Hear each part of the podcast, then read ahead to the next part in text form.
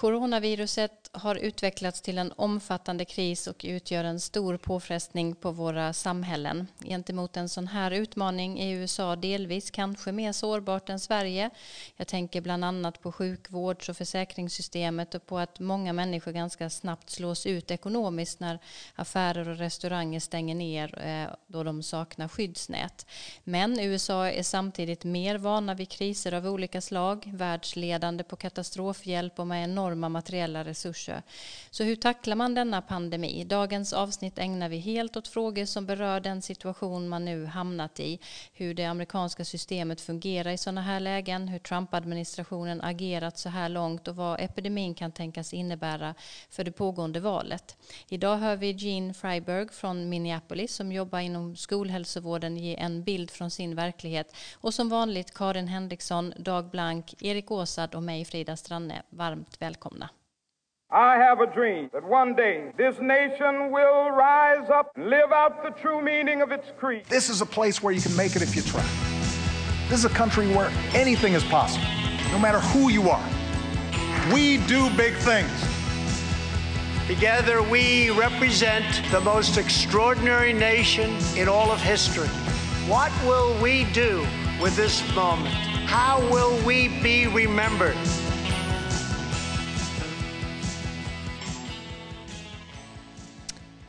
Ja, vi hoppar över småprat idag, eh, tänker jag. Det känns lite konstigt i de här tiderna. Men jag vill givetvis fråga er alla eh, hur ni mår och hur ni gör för egen del för att hålla er friska. Dag, eh, du har hållit dig isolerad några dagar vet jag.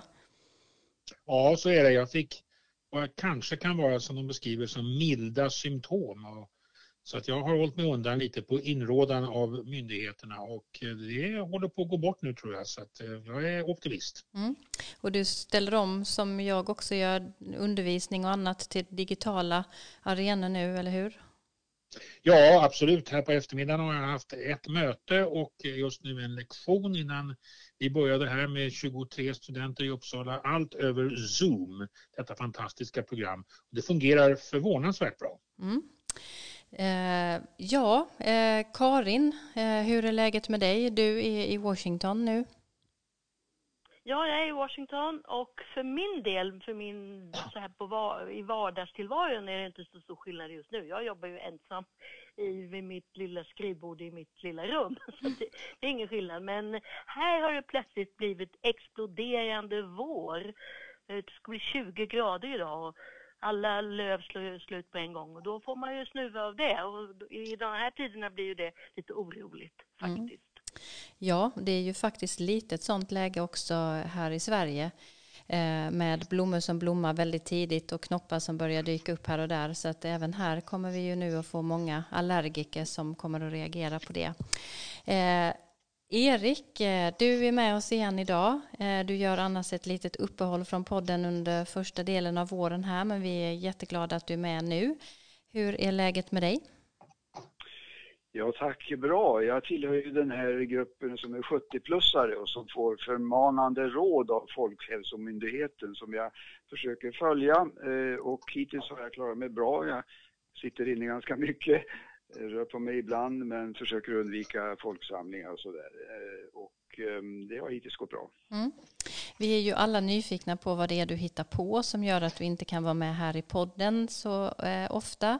Jag är säker på att eh, många lyssnare också både saknar dig och undrar det. Kan du säga någonting om vad det är du ägnar din tid åt nu? Ja, jag arbetar på ett eh, bokmanus. Eh, jag har ju skrivit ett antal böcker här sedan jag gick i pension och eh, tycker det är trevligt att jobba med det.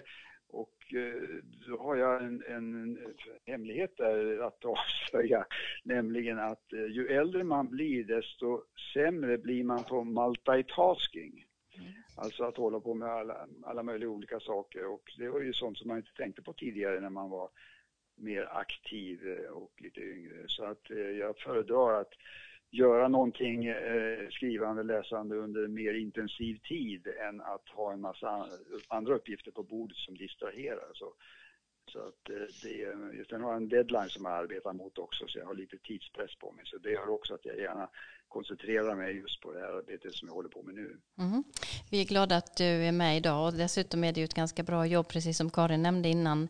Vi som har möjlighet att sitta mycket hemma och skriva och ägna oss åt den typen av verksamhet.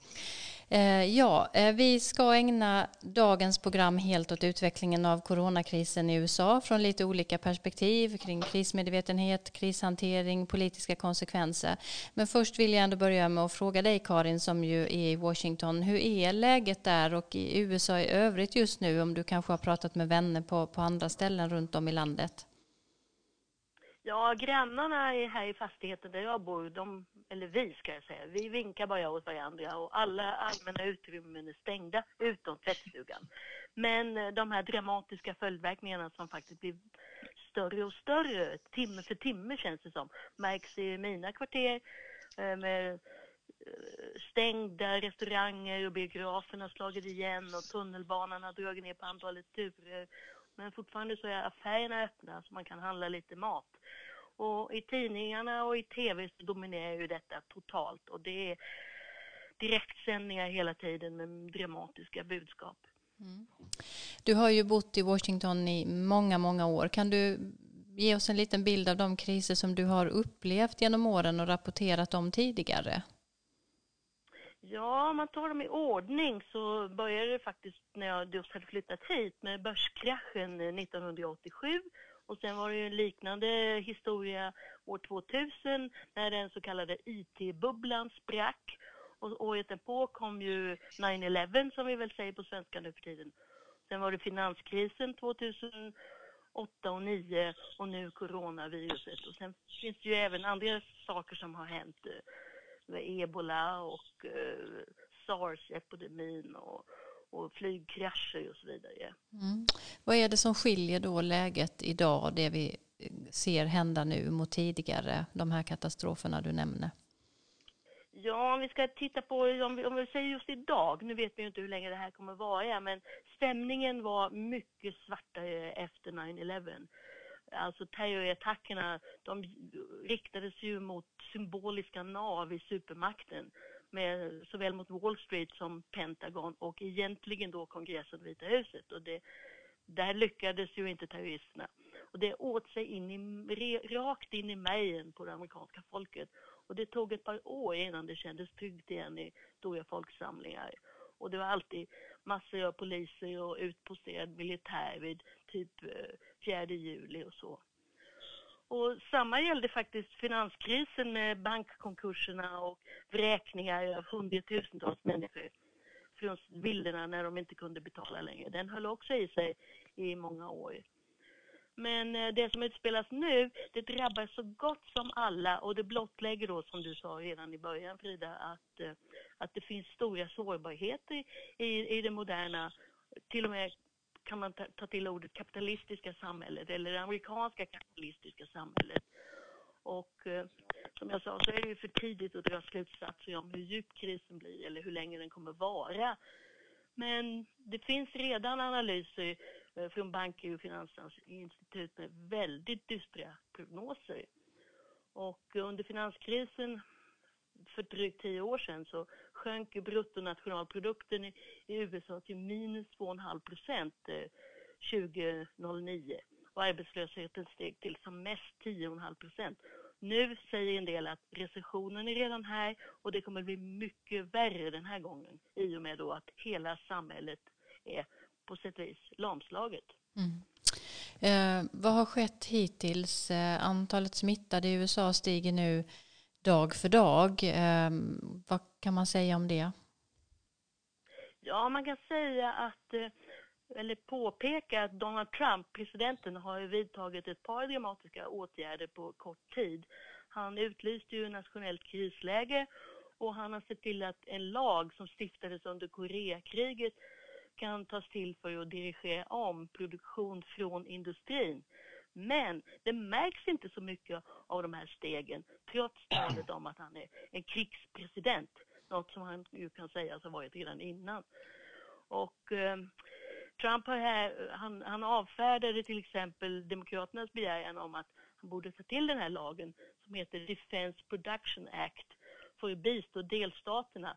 Men då sa han att den federala staten inte är någon fraktinrättning och att det är guvernörerna som ska ta hand om det här.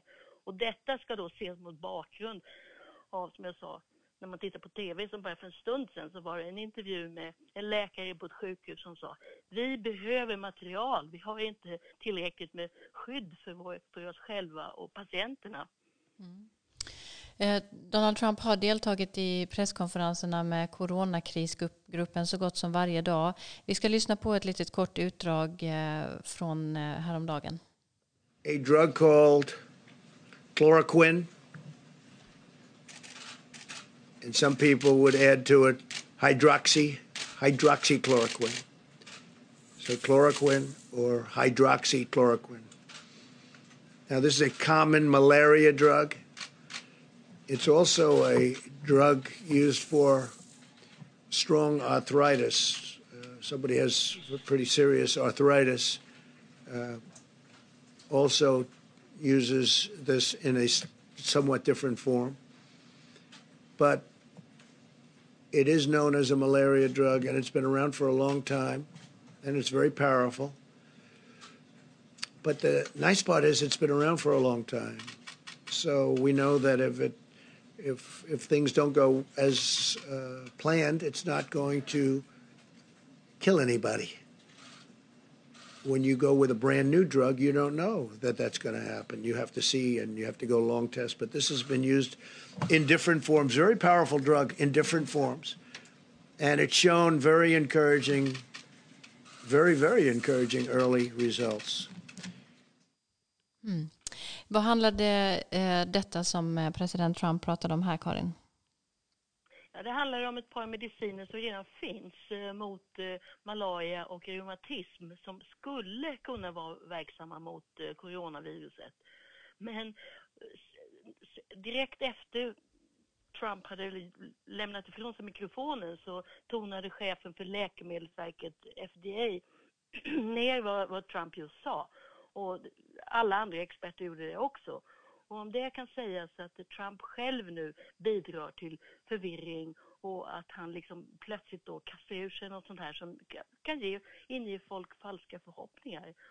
Och eh, det visar ju också att han inte vill ta till sig expertutlåtanden om att eh, det tar minst ett år, kanske ett och ett halvt år, att utveckla ett vaccin. Men man kan också faktiskt påpeka eller försvara honom, för han har genom olika åtgärder försökt att se till att, att skynda på processen inom just FDA och att att Trump-administrationen även i övrigt försöker hämta idéer från näringslivet på hur man ska kunna liksom påskynda vissa, ja, vissa saker. Och man kan ju också dra slutsatsen att Trump gillar ju att stå där och framstå som handlingskraftig på de här presskonferenserna. Men normalt så brukar presidenter inte synas på sådana här möten, alltså på den här nivån.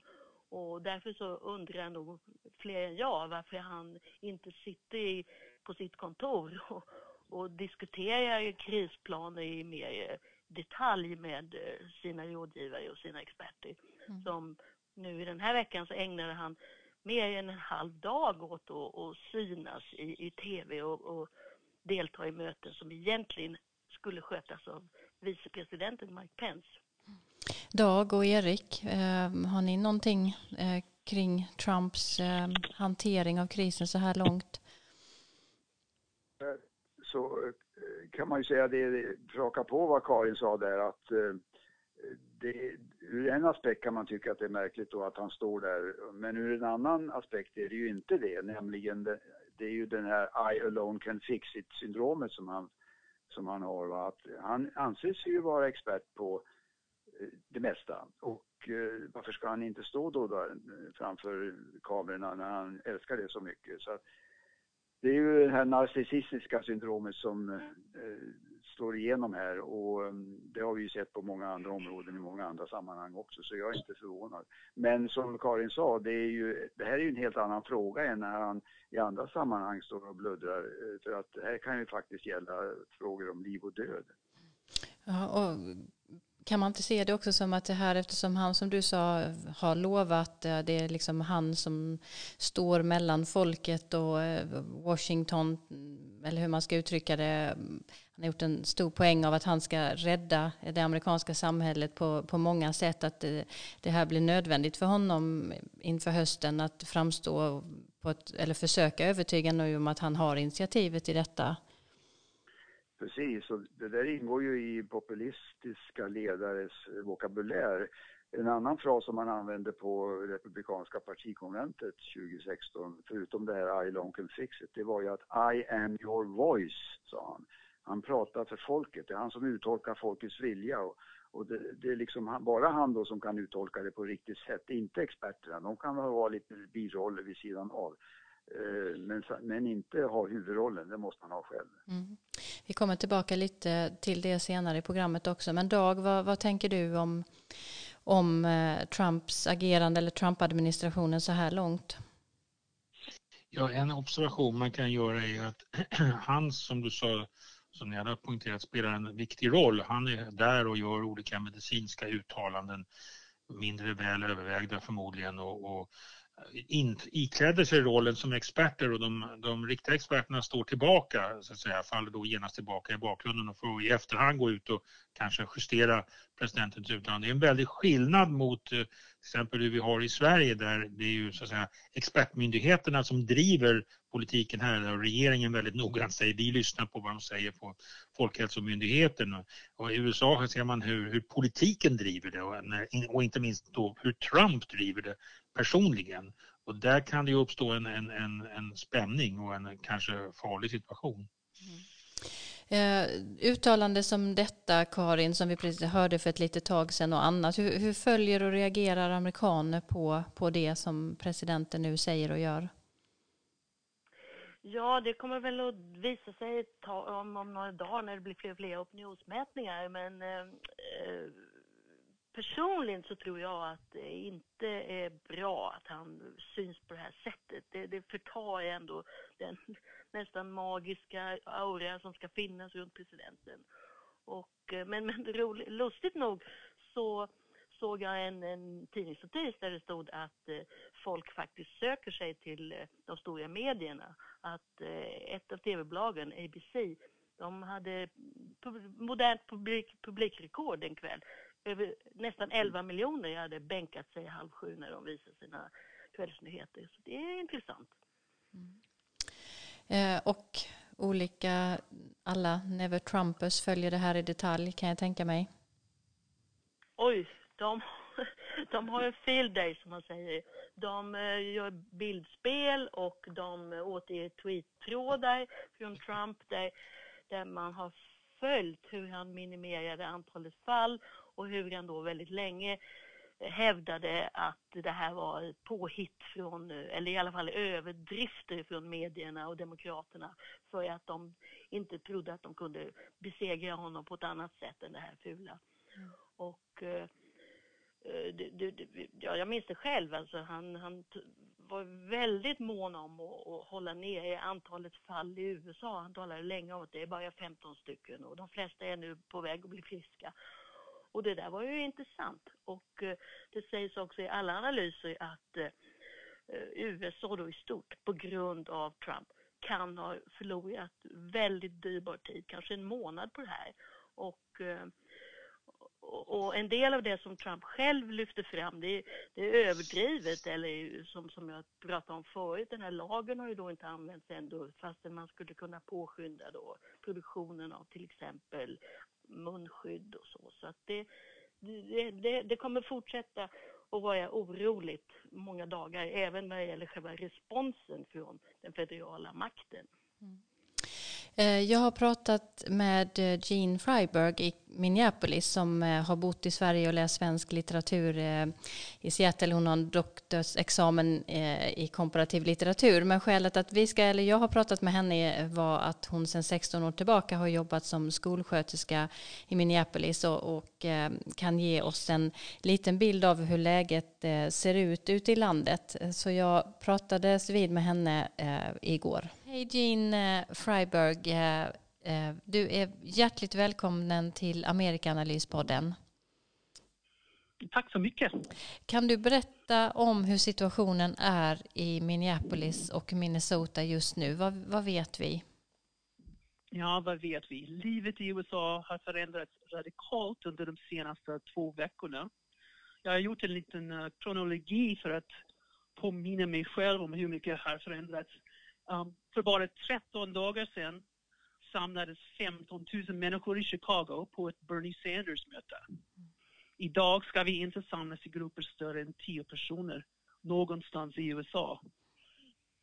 Mm. I måndags var alla kommunala skolor i Minnesota öppna som vanligt. Tisdag var det sista dagen för undervisning i Minneapolis Public Schools. Alla skolor i Minnesota är nu stängda, precis som i 37 andra delstater. Som de flesta universiteten i USA stängdes University of Minnesota för några veckor sedan och all undervisning sker för nuvarande bara online. Mm. Eh, hur ser det ut på de skolor där du arbetar? Hur ser det ut? De är stängda. De är helt stängda. Um, Alla stängda. Alla i Minnesota är stängda nu. Och de senaste veckorna bakåt, vilka har de stora problemen varit? Um, hur har ni fått besked om vad som gäller och hur har ni planerat för detta? Ja, det har varit lite... Allt har gått mycket fort. Vi fick uh, uh, instruktioner från, uh, från skolan och från guvernören som sa att vi måste uh, sätta upp online learning för alla studenter falls uh, skolorna inte öppnas igen. Den 6 april, vi, vi stängde till den 6 april säkert, kanske lite längre. Mm. Och um, vi måste alltså, en, ett annat problem var att uh, när skolorna är stängda, hur kan läkarna, sjuksköterskor och andra hälsovårdare med skolbarn fortsätta att arbeta? Så när de satte upp det här och uh, planerade det här uh, att stänga skolorna sa de att skolorna måste ta hand om alla barn under 12 år till sjukvårdare och andra emergency responders mm. så att föräldrarna kan fortsätta arbeta så länge de är friska. Mm. Hur går så det? Det blir ganska komplicerat. Mm. och just med maten också, att det är ett stort problem. Det finns 37 000 studenter som går på Minneapolis Public School och av dem är det kanske 20 000 som får gratis eller mycket billig mat på skolan på grund av föräldrarnas um, låga inkomster. Så Minneapolis Public Schools har nu ordnat 20 ställen dit föräldrarna kan komma, uh, kan köra, stanna i bilen och få gratis ma matpåsar åt barnen. Mm. Så det händer varje veckodag och sen på helgerna kan du få hjälp av um, matbänkar. Hur, eh, hur, vet du hur det fungerar nu för de eh, som har jobb som är så att säga samhällsviktiga? Fungerar det för dem att lämna sina barn på, på något ställe för att få eh, omsorg? Ja, dagisarna har öppet fortfarande. Mm. Och skolbarnen? Men uh, annars är det folk måste hitta några vänner som ska ta hand om barnen medan de jobbar eller släktingar ja, det är lite svårt. Mm. Hur, hur, väl förberedda skulle du säga att eh, det samhälle där du lever i eh, är för, för den här typen av händelser som vi nu ser eh, sker? Ja, eh, i Minneapolis? Mm. Ja, jag, ja, jag vet inte. Jag tror vi är lite bättre förberedda här i Minnesota än annars i andra ställen, andra delstater i USA. Vi har en ganska bra uh, lokal uh, governor, governor Tim Walls, och en ganska bra uh, hälsosystem här. Och sen hade vi, innan det här hände, hade vi ganska stark ekonomisk läge här i Minnesota också. Men det beror på vilken delstat man bor i. Jag tror det varierar väldigt mycket hur man reagerar till den här krisen. Kan du förklara för våra svenska lyssnare här eh, hur viktig är en guvernör i, de, i, den, i det här sammanhanget och, och vad, vad, spelar han eller hon för roll? Vad, vad är det man gör eh, på delstatsnivå här som är så viktigt? Ja, just det. Um, nu när Trump är president har många guvernörer bara tagit hand om sakerna själv eftersom um, de har begett hjälp från det federala regeringen men de har inte haft tillräckligt personlig sjuk, uh, eh, utrustning, uh, ursäkta mig, skyddsutrustning, coronatestkits eller ventilatorer kanske ni har hört om det. Um, så det, de, guvernörerna är väldigt viktiga nu och i Minnesota är vi, jag är ganska nöjd med vår, vår guvernör hittills åtminstone. Om man tänker på hela landet, hur väl förberett upplever du att USA är att ta hand om eh, en sån här omfattande eh, kris som ju både är då eh, kris i, i, form av en, en epidemi och nu också en ekonomisk kris? Ja, just det. Så regeringen, den federala regeringen har just uh, sprutit eh, uh, 1,3 trillion, trillion dollars in i ekonomin. Så det kommer att hjälpa lite men um, det, det, kommer att vara stora förändringar i vårt samhälle. Um, jag har hört några journalister och epidemiologer säga att vi flyger blind eftersom vi inte kan pröva uh, tillräckligt många personer för att få en riktig bild på hur infektionen sprider sig nu. Mm. Um, de säger också att vi följer bara en eller två veckor bakom Italien. Så det är inte uppmuntrande. Hur, Men det är ett annat problem som jag, som jag tycker är viktigt också, grundläggande problem, att vi inte har något omfattande hälsovårdssystem i USA att bygga på. Istället har vi någonting som har skrivits som ett schackbräde av olika ekonomiska och politiska intressen som inte arbetar smidigt tillsammans. Och um, ja, det kommer bli problem på grund av det. Så det är den, stor, det är den, system. Mm, den stora sårbarheten menar du då är i just sjukvårdssystemet som det är uppbyggt? Ja, just det. Det är inget system egentligen. Man pratar hela tiden om sjukvårdssystem, men det är många olika system och intressen som ja, de strävar åt olika mål ibland. Mm. Och svåra att samordna i den här typen av katastrofer då? Ja, det är svårt att, om, man, om de är inte redan organiserat och arbetar tillsammans, då är det väldigt svårt att veta vem skulle ta hand om vilka behov som folk har. Mm. Eh, en, en annan fråga, hur, hur, eh, hur medvetna tycker du att folk är eh, generellt sett eh, där du är? Finns det en stor krismedvetenhet? Finns det en, en bra information som folk nås av liksom ute i samhället just nu? Det är information överallt. Um, jag tror det varierar väldigt mycket beroende på hur man, jag vet inte var man bor, men här i Minnesota är de flesta, tror jag, medvetna om vad som pågår. Uh, tidning, tidningsrubriken i dagens uh, Minneapolis Star Tribune um, lät så här. 18, excuse me, 18 months virus siege. 18 månaders virusbelägring. Mm. Så jag tror de flesta börjar förstå nu att det här kommer inte vara någonting coolt. Det kommer vara ja, några månader minst, åtminstone och kanske mycket längre. Mm.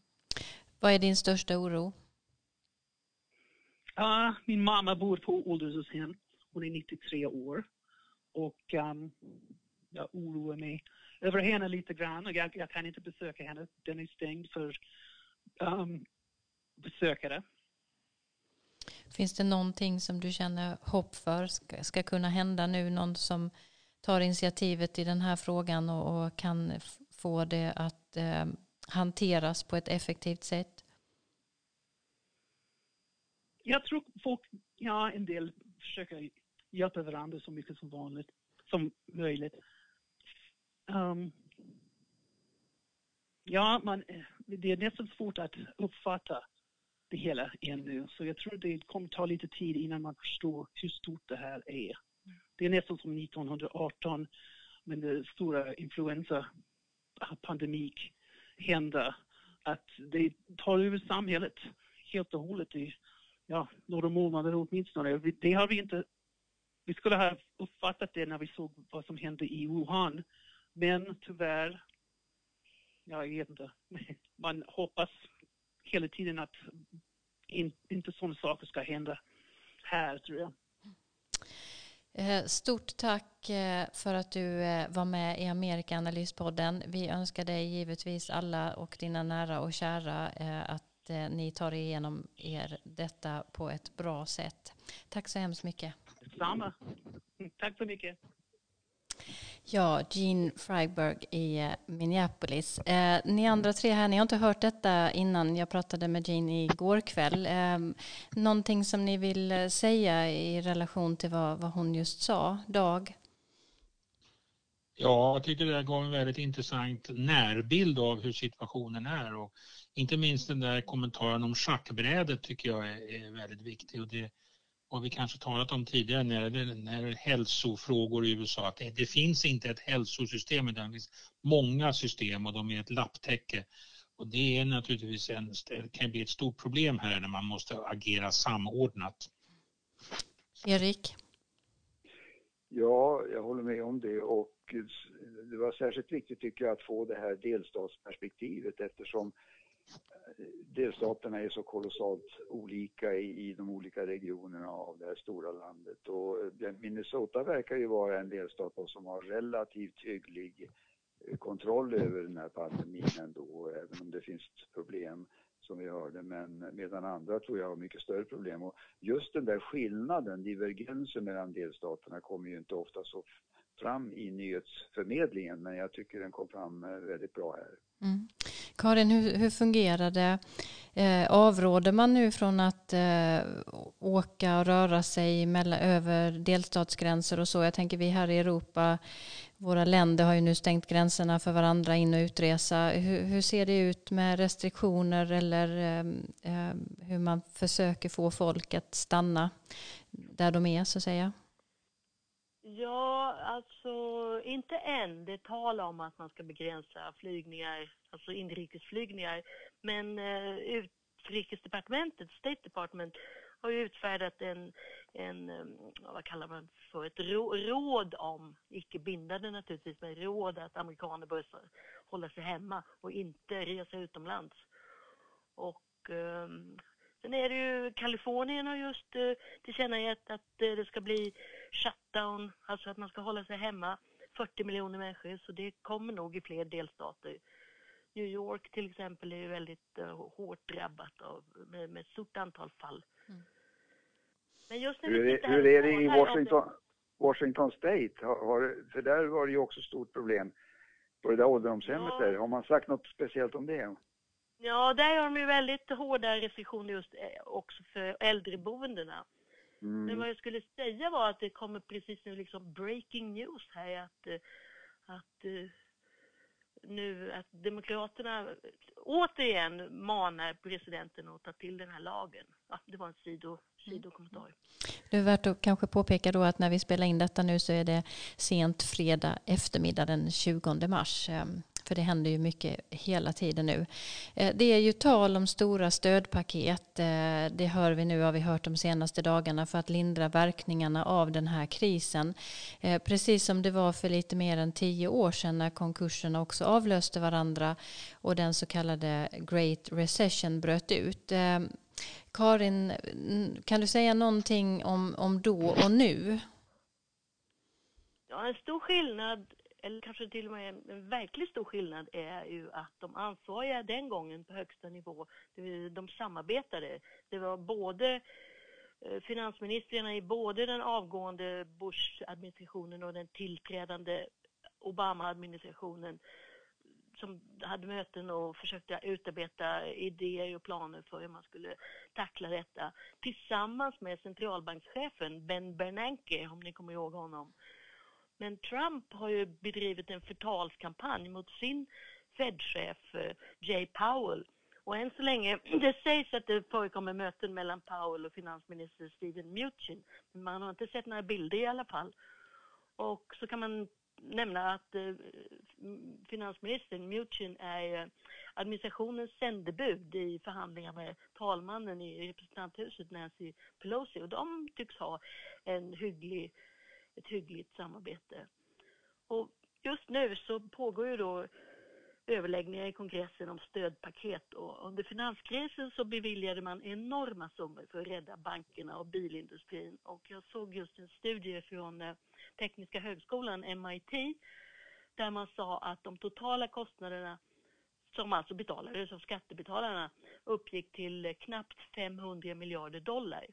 Och det kanske ni kommer ihåg att General Motors och Chrysler kunde leva vidare. Men att man då bittert sa att eh, det mesta av pengarna gick till finansinstitutioner och investerare. Och det ordet man använde då, bailout, det vill säga räddning, blev ett fult ord. Och Obama hade svårt att få igenom de belopp som han tyckte var nödvändiga för att stimulera ekonomin. Och två följder kan nämnas. Dels så blev det skärpta regler för bankerna i nya lagar vad gällde kapitalkrav och en del annat. Och så föddes ju då den så kallade Tea Party-rörelsen i protester mot de här bailouts. Men nu är läget ett helt annat med tanke på då den enorma vidden av det som pågår nu. Och man talar om större belopp, minst tusen miljarder dollar i ett första paket med pengar som ska gå till enskilda branscher och eventuellt även kontantutbetalningar till hushållen. Och det är ju Republikanerna som kontrollerar senaten och de här senatorerna, de har lite jobbigt för dem när de får frågor om inte detta är en bailout.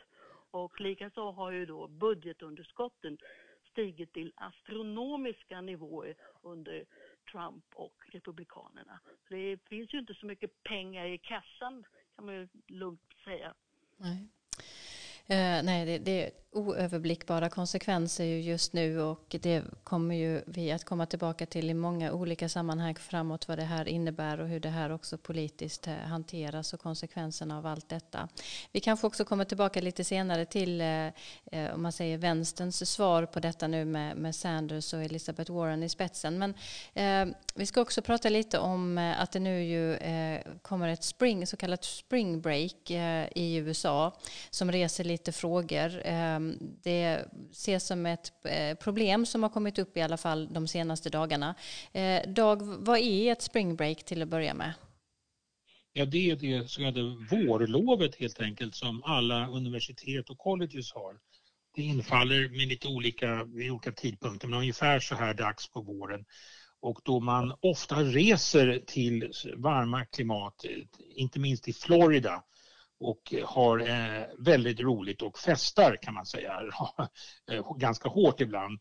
Och dessa springbreaks-studenter har inte eh, avbrutit sina festande med sina resor och det har skapat problem i Florida. Så problemet är att de inte vill sluta festa? De vill inte sluta festa, de vill inte följa de här reglerna som, som då säger att man ska inte vistas så många personer tillsammans och man ska ägna sig åt social distansering. Och eh, de verkar inte ta alls allvarligt på de här råden och tycker att det här spelar väl ingen roll. De är unga och ser sig kanske som delvis odödliga som man gör när man är ung och lyssnar, har väl åtminstone till början lyssnat på de här eh, uppgifterna om att yngre personer inte blir så påverkade av det här viruset. Vi ska lyssna på ett litet inslag som finns om detta som ligger uppe på Washington Post hemsida och så kan du kanske förklara sen vad, vad detta bottnar i lite bättre. Men vi, vi lyssnar på det först här.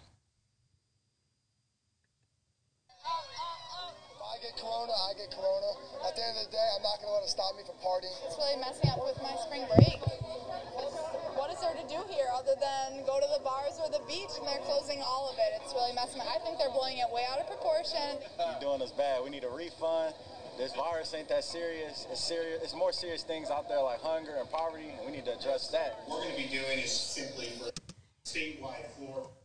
Ja, eh, vi hörde några ungdomar här som sa att de, vad finns det mer att göra just nu än att eh, fortsätta festa? Vad, vad, kan man säga om detta Dag? Eh, vad är det ett uttryck för? Ja, dels är det väl ett uttryck för att de känner sig unga och odödliga på något sätt. Men jag tror också det finns ett uttryck för den här misstron mot staten, alltså misstron mot myndigheterna som är så utbredd i USA och som i det här fallet gör det väldigt svårt för myndigheterna att eh, kommunicera sina budskap. Vi hörde från Gene i Minnesota, det är en delstat som man brukar säga där man kanske mer lyssnar på staten och har ett mera större förtroende för staten. Som hon sa så varierar det mycket över landet. Men just den här inställningen om att myndigheterna varför ska man ta dem på allvar och staten och the government så att säga. Det är ju något negativt och där har inte minst president Trump själv han, hans kampanj byggde ju på Drain the Swamp och alla de här federala myndigheterna som finns där Karin är i Washington. De var en del av the swamp och nu plötsligt så är det de som sitter inne med sakkunskapen och man ser ju, det blir en spänning där helt enkelt. Mm. Ytterligare en sårbarhet faktiskt ju får man säga i systemet just nu. Eh, vad har du mer fäst dig vid i allt det här som, som just nu händer? Ja, det var liksom vad Erik var inne på lite tidigare också att när han framträder presidenten så, så handlar det väldigt mycket om vad han har gjort och hur han har handlat och att han inte har handlat fel. Eh, och, och, man ser det till exempel att vicepresident Pence är ju den utsedda personen som ska sköta om det här på en presskonferens som det var igår eller förrgår så var Trump där och sen så fick Pence ordet och då i, i, varje mening som så många har påpekat så hänvisar han till att de, vi har gjort det här därför att presidenten sa att vi skulle göra det. Så det är presidentens instruktioner och presidenten visste redan detta. Den här så att säga, lojaliteten som avkrävs är slående och, och, och, och, Pence och alla andra måste upprepa att det här är presidenten har redan sagt det här och det är det, på grund av presidenten vi gör det här. Mm. Jag vet att du också har reagerat på eh, användandet av att man pratar om det främmande viruset. Vad, vad, hur kommer det sig att du har reagerat på det? Ja, han ut, uttryckte sig så att det var ett främmande virus som, som fanns och det skulle då, då hållas borta från, från, från USA. Och där ser man ju det faktiskt i ett lite längre historiskt perspektiv, den här hur USA har förhållit sig till världen och den faran, det finns ju ett, en inkluderande, en engagerande linje i den amerikanska historien på många sätt där USA också vill dominera världen. Men det finns också den här avskiljande eh, tendensen att man är rädd för fiender, e, externa fiender och man beskriver det på olika sätt. Och det, man har till exempel beskrivit eh, under olika debatter om invandringen, de etniska grupperna Eh, att de har beskrivits i medicinska termer. Man skulle hålla ute grupper under de stora debatterna om begränsningen av invandringen på 1910 och 20-talet till exempel så beskrevs främmande grupper, invandrargrupper i medicinska termer. Och det där återkommer nu här med, med the, the foreign virus, det utländska viruset. Det anknyter till en sån typ av retorik. Mm. I sammanhanget måste man ju också tala om USA som, som ledande stormakt och vid många tidigare epidemier, till exempel ebola och för den delen efter naturkatastrofer i, i, i fattiga länder så har man mobiliserat amerikanska resurser. Eh, hur, hur tänker man kring detta nu, Karin? Ja, man tänker ju att USA, som i flera andra fall under Donald Trump, har börjat abdikera från den rollen. Och man ser inte alls särskilt mycket, det pågår säkert, men det är liksom ingen, ingen tonvikt på att, att det nu ska ske mer samarbete vad gäller till exempel utvecklingen av ett eh, vaccin. Men det finns också skäl att nämna särskilt Kina i det här sammanhanget. För handelskriget pågår ju och Trump har inte nämnt sin vänskap med president Xi Jinping på ett bra tag. Och Kina då försöker tydligen ja, gottgöra kanske man kan säga, eller i alla fall få, försöka få omvärlden att glömma var viruset kom ifrån och att Kina kanske inte var riktigt ärlig om eh, spridningen och eh, allvaret i situationen. Och nu så skickar man då eh, läkare och expertis till drabbade länder medan då USA mig veterligen inte gör det just nu. Men på sikt så tror jag att det här kommer bli en backlash mot Kina och Trump han talar ju om det här som the Chinese virus.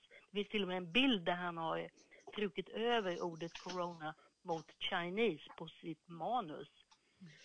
Så att eh, vi får se. Jag tror nog att det, det kan bli lite hett om öronen där i, i Peking så småningom. Mm.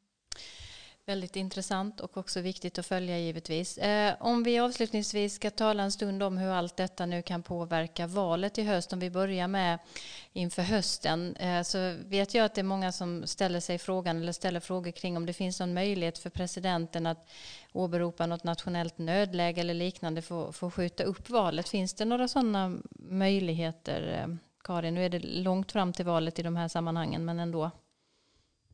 Ja, det finns en del som försöker titta på det där och då utgår man ju naturligtvis från att det stadgas i författningen att presidentval ska hållas den första tisdagen efter den första måndagen i november månad vart fjärde år. Och eh, då finns det de som undrar om inte kongressen på något sätt skulle kunna ändra det här datumet. Men eh, i samma författning, the constitution, så sägs det också att presidentens ämbetsperiod varar fram till, till klockan 12 den 20 januari året efter valet. Så då är det, är det slut helt enkelt. Mm.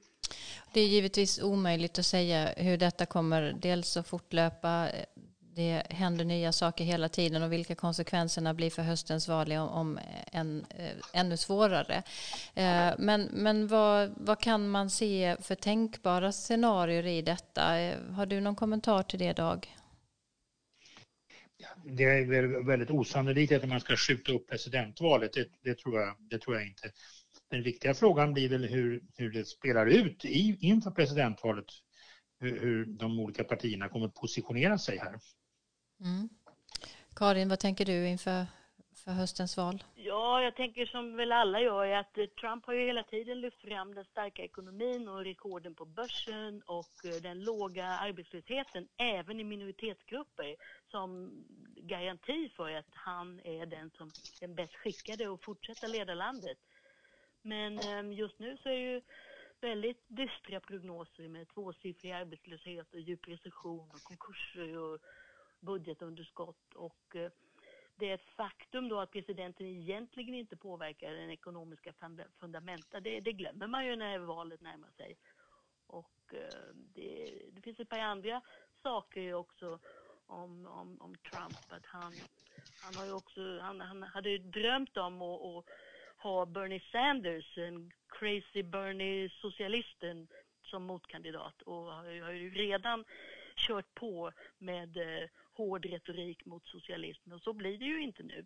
Och likaså som, som Dag var inne på så valdes han ju delvis för att eh, eller vann, han, han vann ju delvis för att han eh, lovade att eh, utrota the deep state och eh, drain the swamp. Men nu är det ju han som är, sitter högst i toppen av den federala pyramiden och faktiskt är ansvarig the buck stops here, som Harry Truman brukade säga. Det är presidenten som har det yttersta ansvaret och där har Trump vid i alla fall ett tillfälle sagt att han inte känner sig skyldig eller ansvarig för vissa saker. Så att eh, vi får se, mm. som han brukar säga. Och staten och myndigheter och annat blir ju extremt viktiga just i ett sånt här läge och många sätter ju också sin tillit till det även om det är också finns många som ifrågasätter eh, dess kapacitet och så vidare. Eh, men som, precis som du sa Karin så eh, blir det ju inte med all sannolikhet en socialist som Trump ska försöka besegra i höst utan snarare då är det ju ganska klart nu att Joe Biden blir Demokraternas kandidat även om ska vi säga primärvalen fortsätter ett tag till. Biden har ändå skaffat sig en stor ledning eh, i antalet vunna delegater som eh, det inte alls är sannolikt att Bernie Sanders eh, kan ta in. Eh, Erik, ehm, vad tror du det var som avgjorde kampen till Bidens fördel? Ja, framförallt tre faktorer. Och det första tror jag är då att Biden har mycket starkare stöd inom partiet än vad Bernie Sanders har. Det är en aspekt som man ibland glömmer. Eh, och han har, stödet är ju brett och både inom eliten och eh, fotfolket. Och jag har, ju, vi har ju alla tro, lagt märke till det att alla medtävlare som hoppat av nu, de som var med i början, de var ju 20 stycken ett tag, eh, utom Elizabeth Warren, stöder nu Joe Biden. Ingen stöder Sanders hittills och eh, Bidens stöd bland de demokratiska väljarna, det visas ju inte bara i de här valen som har hållits hittills under primärvalskampanjen utan också i kongressvalet 2018. Då hade ju Demokraterna stora framgångar. De tog ju tillbaka representanthuset då. Och i det valet så var det ett drygt 60-tal av partiets kandidater ute i landet som aktivt bad Biden att komma och kampanja för dem. Eh, vilket han gjorde då. Men det var ingen kandidat, vad jag har kunnat hitta i alla fall, som bad Sanders om samma hjälp. Och det, eh, det visar, tycker jag, vilken fördel det är att ha sin bas inom partiet. Och Sanders är ju mer utav en outsider där som ska liksom ta över partiet kan man väl säga med hjälp utav sin gräsrotsrörelse och, och omforma det då precis som Trump har gjort faktiskt på många sätt. Så att det är det första. Det andra är, tror jag, att Biden då har en betydligt bredare väljarkoalition än vad Sanders har. Och det, det består ju framförallt då av afroamerikaner, medelålders och äldre och plus kvinnor och särskilt kvinnor i förorterna. En del av dem röstade ju på Trump 2016 men har nu enligt undersökningar vänt och stöder, eller kommer att rösta demokratiskt nästa gång. Eh, Sanders däremot, han har ju framförallt stöd då bland de unga väljarna, eh, bland akademiker och eh, bland spansktalande också. Där har han varit ganska framgångsrik hittills. Men det är en alldeles för tunn eh, koalition för att kunna konkurrera. Framförallt så lider, tror, tror jag, han utav att, inte, att han har haft så svagt stöd bland afroamerikanerna. Och i supertisdagen här för ett tag sedan. Det var ju val då i 14 delstater och Biden vann 10 av dem. Där vann Biden de svartas röster med 57 procent mot 17 procent totalt. Alltså en skillnad på 40 procentenheter. Och sen det tredje faktorn som jag tror är värd att nämna det är ju det här valbarhetsfaktorn, electability som man talar om och den erkände ju Sanders själv här i ett tal som han lite resignerat nyligen att den har spelat in här det verkar ju som så att Demokraternas väljare, de, prioriteten nummer ett för dem det är att få en kandidat som de tror kan slå Trump.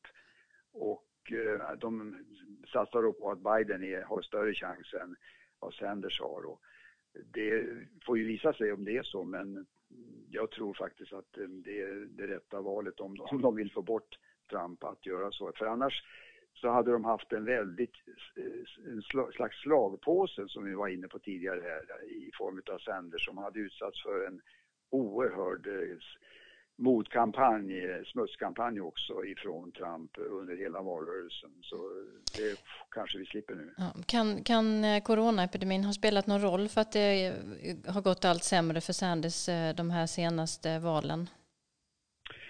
Ja, det tror jag, men jag tror inte Eh, det har varit någon avgörande faktor utan den har, har fungerat trots, så på det sättet tror jag att den har förstärkt Bidens framgångsvåg och gjort det än svårare för Sanders att bryta igenom med sitt budskap och den effekten tror jag kommer att fortsätta göra sig gällande nu i de återstående valen här. Mm.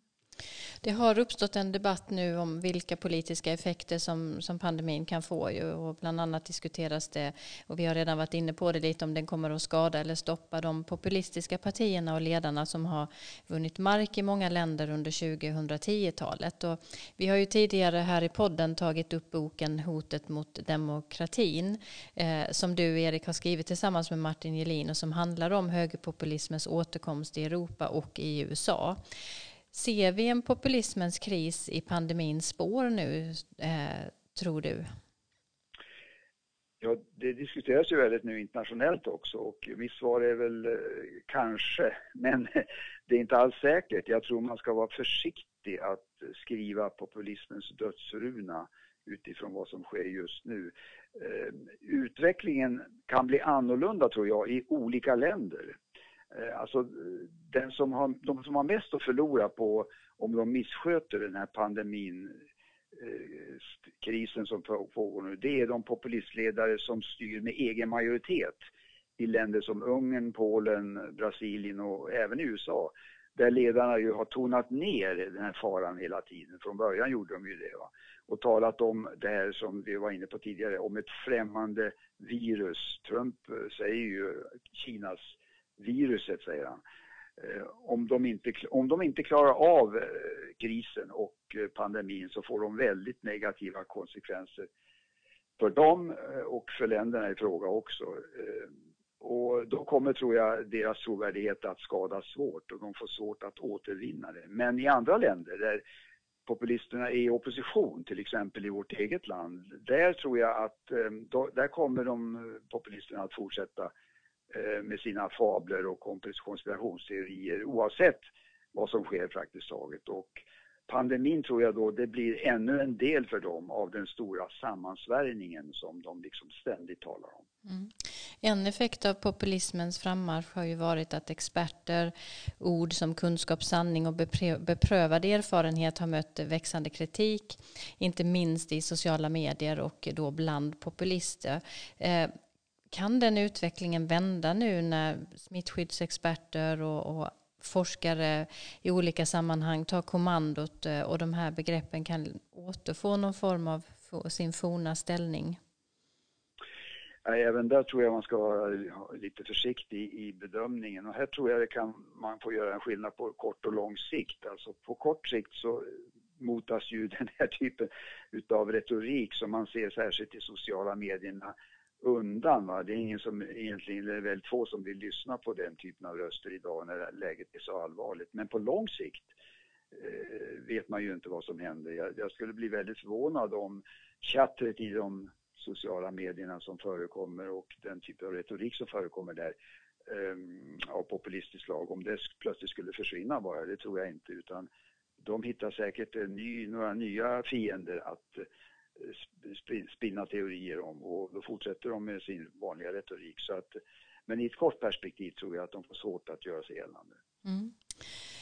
Ja, avslutningsvis eh, eftersom vi ändå har slagit fast att det är allra mest sannolikt nu att Joe Biden eh, ska vara den som utmanar Donald Trump och med det som just Erik sa här om, om eh, populismens eh, och framförallt Trumps då kanske eh, hur människor ifrågasätter eh, hans ledarskap just nu. Vad kan vi säga om eh, Joe Bidens kvalifikationer nu då att eh, ta eh, sig an uppgiften att eh, vinna valet i november, Karin?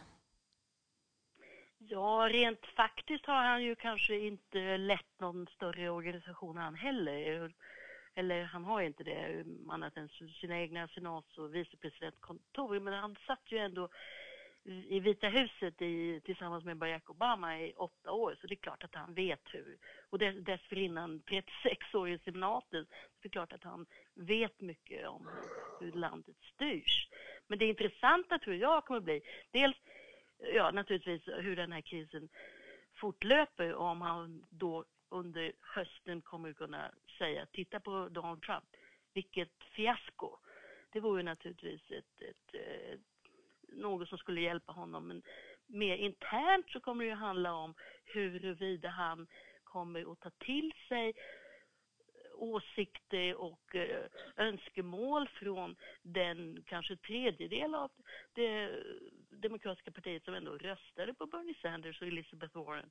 Och nu under de närmaste veckorna och månaderna så kommer det kanske visa sig då att hur oerhört utsatta låginkomsttagarna är i det här landet och hur, hur dåligt förberedd sjukvården var för det. Och det, om nu då Biden, ja, vad ska man säga, köper Bernie Sanders retorik så då, det blir också intressant att se. Mm. Han har ju också utlovat nu ehm, att han ska ha en eh, kvinna som vicepresidentkandidat. Och jag vet att eh, ni och vi alla ogärna gissar om vem det kan bli. Men vilka kvinnor finns det som är starka namn här? Eh, kan man säga någonting om det? Det finns ganska många, eller hur Erik? Jo, ja, det finns jättemånga. Jag såg en artikel som listade de tolv främsta. Det var i det här Politico på nätet och eh, det finns många fler naturligtvis men eh, genom att han har uteslutit de manliga kandidater så blir det ju lite lättare för att eh, de som var med här, de kvinnor som var med i och kämpade om Demokraternas nominering nu här under primärvalskampanjen, det är ju de förmodligen, det är ju där man får titta va. Och då är ju de främsta kandidaterna där, det är ju mm, Kamala Harris och det är Elizabeth Warren och Amy Klobuchar. Jag skulle nog bli förvånad om han väljer någon annan där. Men eh, vad tror Dag? Du har bättre koll än jag kanske? Det är ju starka namn som du nämner. Det fanns ju många kvinnor där. Jag tror att hon som hoppade av igår, Tulsi Gibbard, är nog inte en kandidat. kongressledamoten från Hawaii. Jag skulle kanske till det kan man ju lägga Stacey Abrams från Georgia. Det är ju en, en stark namn inom Demokratiska partiet. Eh, men eh, jag, jag, för min del har ett tips där som jag kan dela med mig om ni vill. Mm. Ja, det är klart vi vill. Ja, men jag gör sällan förutsägelser. Men jag tror att eh, Kamala Harris tror jag skulle vara. Jag tror att han är väldigt benägen att välja henne. Trots, då kan man ju lägga till det lite bekanta, hon gav sig ju på Joe Biden i den famösa debatten här i början av kampanjen när hon anklagade honom för att ha stött bussningsmotståndarna och, att, hon, eh, att han hade varit motståndare mot, nästan som att han var rasist. Och, och hon sa att det fanns en flicka som satt på den här skolbussarna som gynnades av bussningar och det var jag. Det, var, det fick ju henne att gå som en raket sen i opinionen men, men sen föll hon ju tillbaka snabbt. Jag tror att hon... Jag, jag hade, ja, ursäkta. No, nej, jag, jag tänkte avsluta nu här alldeles strax så säger du någonting först Erik. Det är bara det här förslaget. Jag tror inte att uh, Stacey Abrams, jag skulle bli väldigt förvånad om han valde henne av, det, av ett skäl och det är det att i den här debatten där han sa att han skulle välja en kvinnlig vicepresidentkandidat så sa han också att han ville utse en färgad kvinna till högsta domstolen sa han. Så han ville mm. täcka in där olika områden. Jag undrar om han inte har tänkt igenom det där så att då blir det nog så att det, att det är mindre viktigt att ha en färgad kvinna. Och jag tror faktiskt också Men jag kan ha fel. ja, jag, jag, skulle ändå vilja tillägga där själv för att säga någonting i detta att eh, det som talar emot Kamala Harris är väl att Joe Biden själv har ett väldigt starkt stöd bland de afroamerikanska väljarna redan. Han behöver nå ut till mm. andra väljargrupper och Kalifornien är också en djup blå delstat som eh, redan är, är vunnen på så många sätt. Så att, eh, min gissning är att det inte blir Kamala Harris till just den positionen men, men väl så till någon annan för det finns ju också många andra ministerposter som så småningom ska delas ut. Frågan är tycker jag som är intressant är om han eh, vågar eller ser behov av att eh, kanske nominera Elizabeth Warren för att verkligen kunna dra till sig den, den rörelse som Sanders eh, har haft en sån stark kraft i. Men det är ju en fråga för framtiden och den kommer vi väl inte få svar på förrän eh, närmare sommaren eller till sommaren. Eh, den här krisen kommer att följa oss lång tid framåt. Eh, idag är det svårt att se hur vi i den här podden ska kunna prata om något annat än krishantering och konsekvenser av hur detta utvecklas i USA och också omvärlden, hur omvärlden påverkas av de beslut som fattas i Washington framöver. Eh, men vi återkommer, ta hand om varandra tills vi hörs igen och håller informerade om vad som gäller på våra myndigheters hemsidor. Hej så länge. I have a dream that one day this nation will rise up and live out the true meaning of its creed. This is a place where you can make it if you try. This is a country where anything is possible, no matter who you are. We do big things. Together, we represent the most extraordinary nation in all of history. What will we do with this moment? How will we be remembered?